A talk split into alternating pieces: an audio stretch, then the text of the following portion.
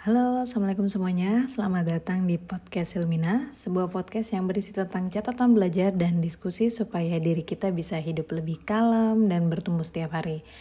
Episode kali ini saya akan mereview sebuah buku berjudul Filosofi Teras.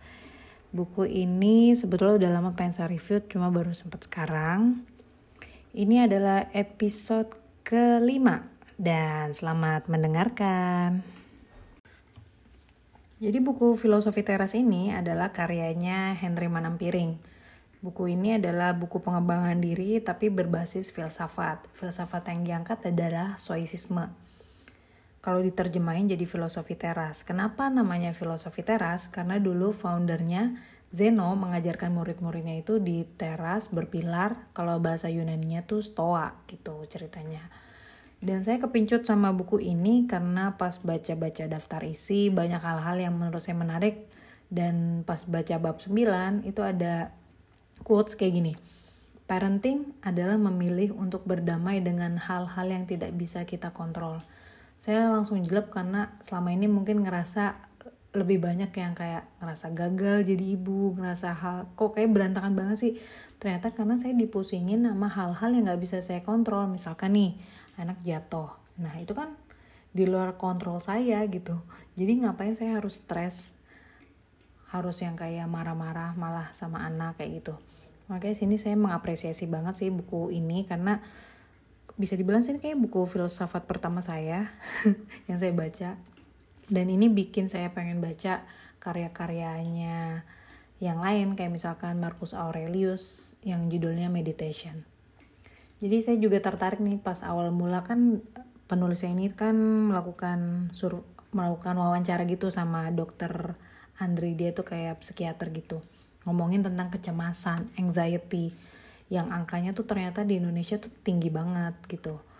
Dan ada quotesnya di halaman 9 tuh sebetulnya bukan stres yang ngebunuh kita tapi reaksi kita terhadapnya. Jadi emang kebanyakan tuh kita kecemasan gitu yang bikin kita sumpek itu ya emang karena reaksi kita terhadap masalah yang lagi dihadapin gitu.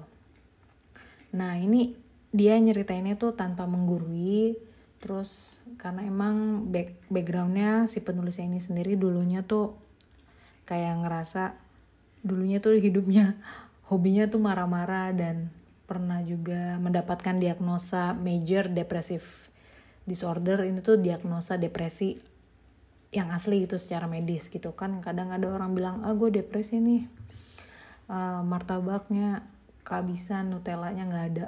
Kayak gitu dia di dalam buku ini ceritanya kocak banget.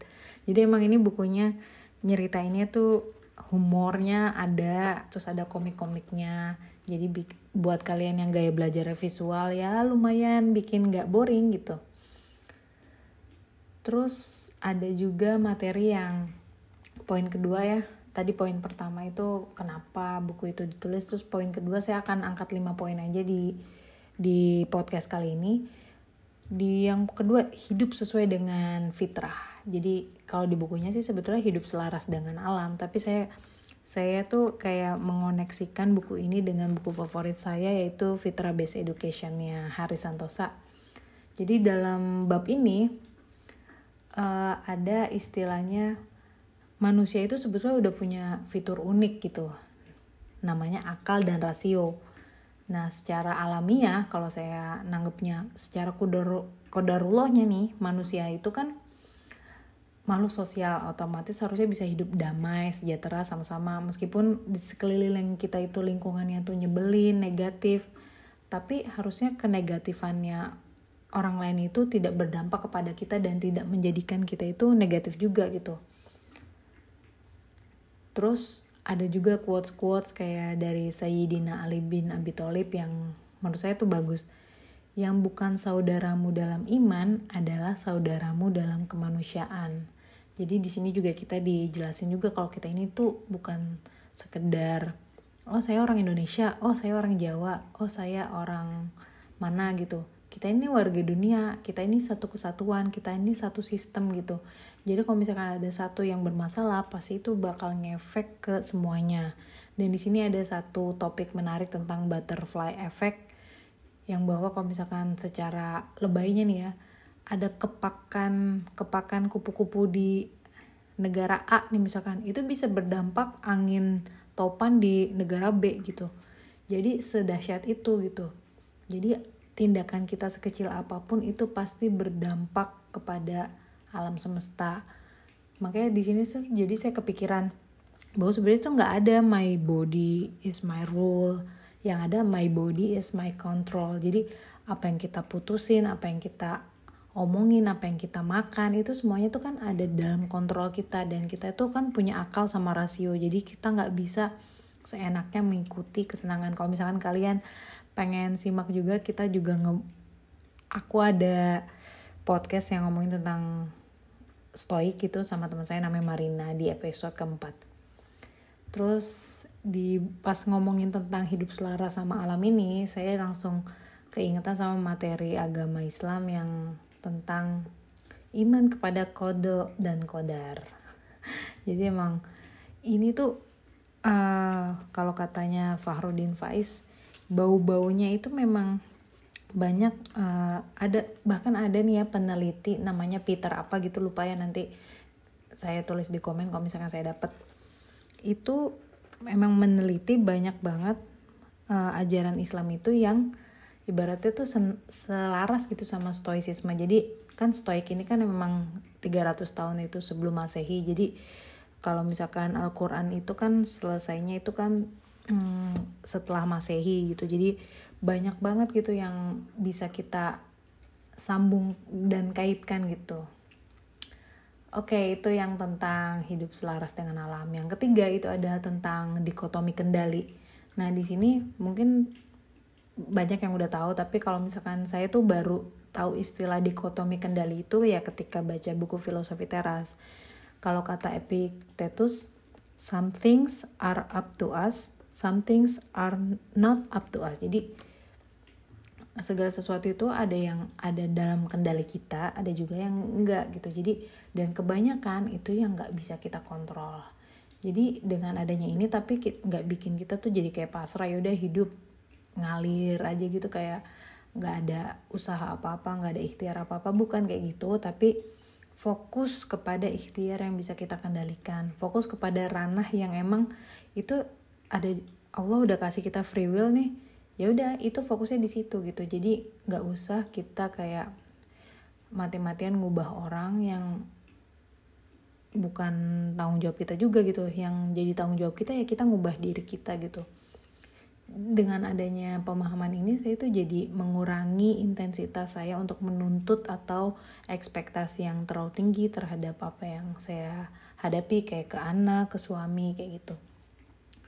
Itu tuh ngad uh, dan pemahaman ini memberikan validasi atas iman juga nih kepada kode dan kodar. Jadi segala sesuatu kan udah ada ketetapannya, udah ada alur-alurnya, udah ada skenario nya gitu. Kita tuh sebenarnya tinggal menjalankan peran sebaik-baiknya. Kalau kata lagu kan panggung sandiwara nih. Ya udah kita jalanin. Di sini kita juga diajak poin keempat, pengingat untuk mengenal diri. Kenapa? Se coba gini nih, misalkan kita contoh kalau lagi macet. Itu otomatis dalam diri kita apa yang terjadi? Apakah kita langsung kayak upload di sosmed gila nih macet foto situasi terkini terus marah-marah ke pemerintah. Itu kan reaksi otomatis yang secara mungkin nggak sadar kita tuh langsung reaktif gitu sepersekian detik gitu Nah, di sini kita diajak untuk melawan interpretasi otomatis. Misalkan nih, kita harus ngenalin diri kita nih, ini yang gue rasain apa sih? Ini rasa gak nyaman apa sih? Emosi negatif apa sih nih kayak gini? Gitu. Filosofi teras itu mengajarkan untuk gak buru-buru nih terhanyut dalam respon otomatis berupa emosi negatif gitu. Tapi kita diajak untuk meriksa kembali nih. Faktanya apa? Oh iya, macet. Apakah dengan kita marah-marah macet itu akan terurai? Kan nggak juga apakah dengan kita kayak nyalain pemerintah itu pemerintah langsung kayak gimanain kita gitu kan enggak juga. Ya udah yang bisa kita lakukan oh iya macet. Stop juga pemikiran kok ah gila gue buang-buang waktu itu bikin kita tambah sumpek gitu. Mendingan kita wah lumayan nih ada waktu gue bisa baca buku kayak gitu. Terus Buku Filosofi Teras juga ngajakin kita untuk hidup berkesadaran alias mindful. Ada kalimat begini di halaman 115. Orang yang gampang cemas adalah orang yang punya kecenderungan bahwa ia tidak bisa mengontrol sesuatu. Ya juga sih ya, kalau misalkan kebanyakan dari kita mungkin menjalani setiap detik itu cemas apa yang akan terjadi terus atau justru mungkin sering juga tenggelam atau nyesel ih kenapa ya kemarin kayak gitu? Ah harusnya saya nggak kayak gitu kalau kata Seneca kan ya we suffer more in imagination than in reality. Dari karyanya yang letters. Kita tuh sering banget nyiksa diri kita sama karangan pikiran kita sendiri gitu. Kita justru disakiti yang bikin kita tambah menderita ya karena pola pikir kita sendiri gitu.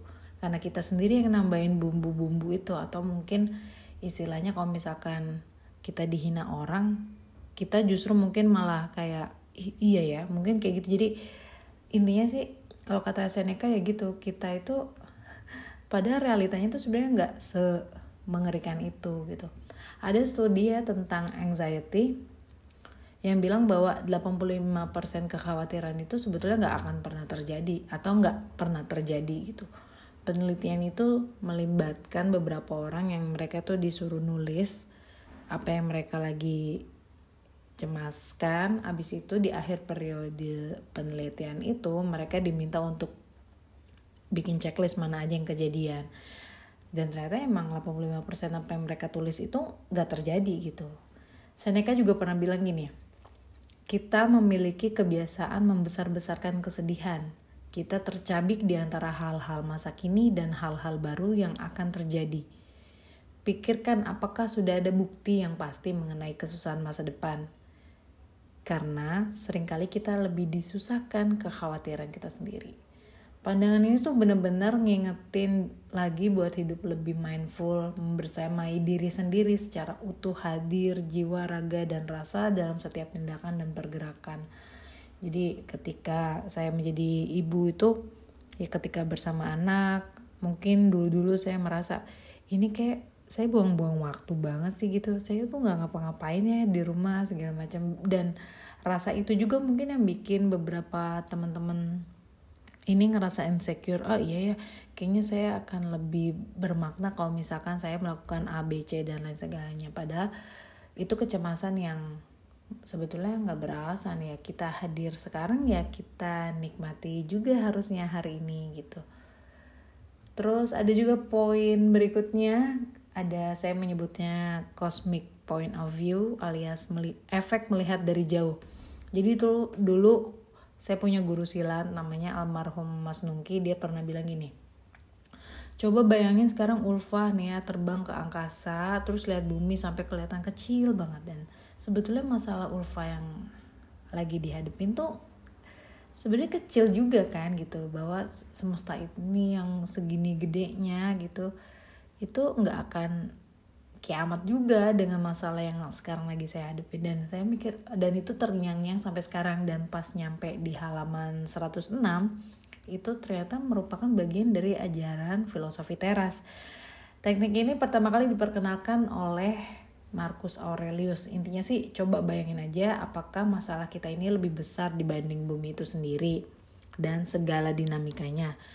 Kalau kata nasihat-nasihat postingan akun dakwah kan gini, aku punya masalah yang besar, tapi kan Allah ada Allah yang maha besar gitu. Jadi sampai-sampai ada nih mantan astronot namanya Becky Ferreira, dia bilang saya sungguh percaya jika saja para pemimpin bangsa-bangsa bisa melihat planet mereka dari jarak 100 ribu mil, maka perspektif mereka akan berubah drastis gitu. Jadi mungkin di sini saya mikirnya tuh mungkin ada yang orang-orang yang tamak, kekuasaan segala macem. Itu akan ngeliat bahwa ih ternyata harusnya gue nggak usah tamak ini. Orang itu tuh sebetulnya dunia itu kecil banget. Ngapain sih saya harus kayak berlelah-lelah berambisi yang menggebu-gebu dan sampai menjatuhkan orang lain kayak gitu-gitu sih. Kalau udah gini kan harusnya kita bisa lebih santuy. Kalau bagi saya sih lebih kalem ngadepin ketika ternyata masalah anak itu nggak mau udahan mandinya itu bukan masalah besar gitu. Jadi saya nggak seharusnya menaikkan nada suara atau mungkin marah-marah gitu. Atau mungkin pas suami lembur mulu di rumah juga kerja gitu jadi nggak bisa tag team nih handling anak gitu itu bukan masalah yang besar gitu kita harusnya bisa lebih rasional gitu terus yang selanjutnya ini buku ada bagian di bab 11 yang ngingetin tentang kematian. Saya tuh jadi inget sama kajiannya Umar Mita, Ustadz Umar Mita pernah bilang mengingat mati adalah bagian dari ibadah. Karena ternyata nih di buku ini nge ngejelasin tentang mengingat mati yang menjadi tools buat evaluasi segala ambisi yang kita punya gitu. Kita kan sering ya dengar orang bilang, ih waktunya sebentar banget gitu. Ih kayaknya waktu 24 jam gak cukup deh atau ih kayak gue pengen membelah diri gitu.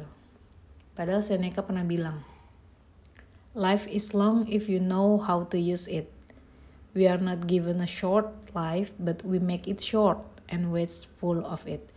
Intinya bukan sebetulnya tuh kita nggak dikasih waktu yang uh, sebentar gitu. Tapi kita yang bikin waktu itu tuh sebentar dan menyanyiakannya gitu.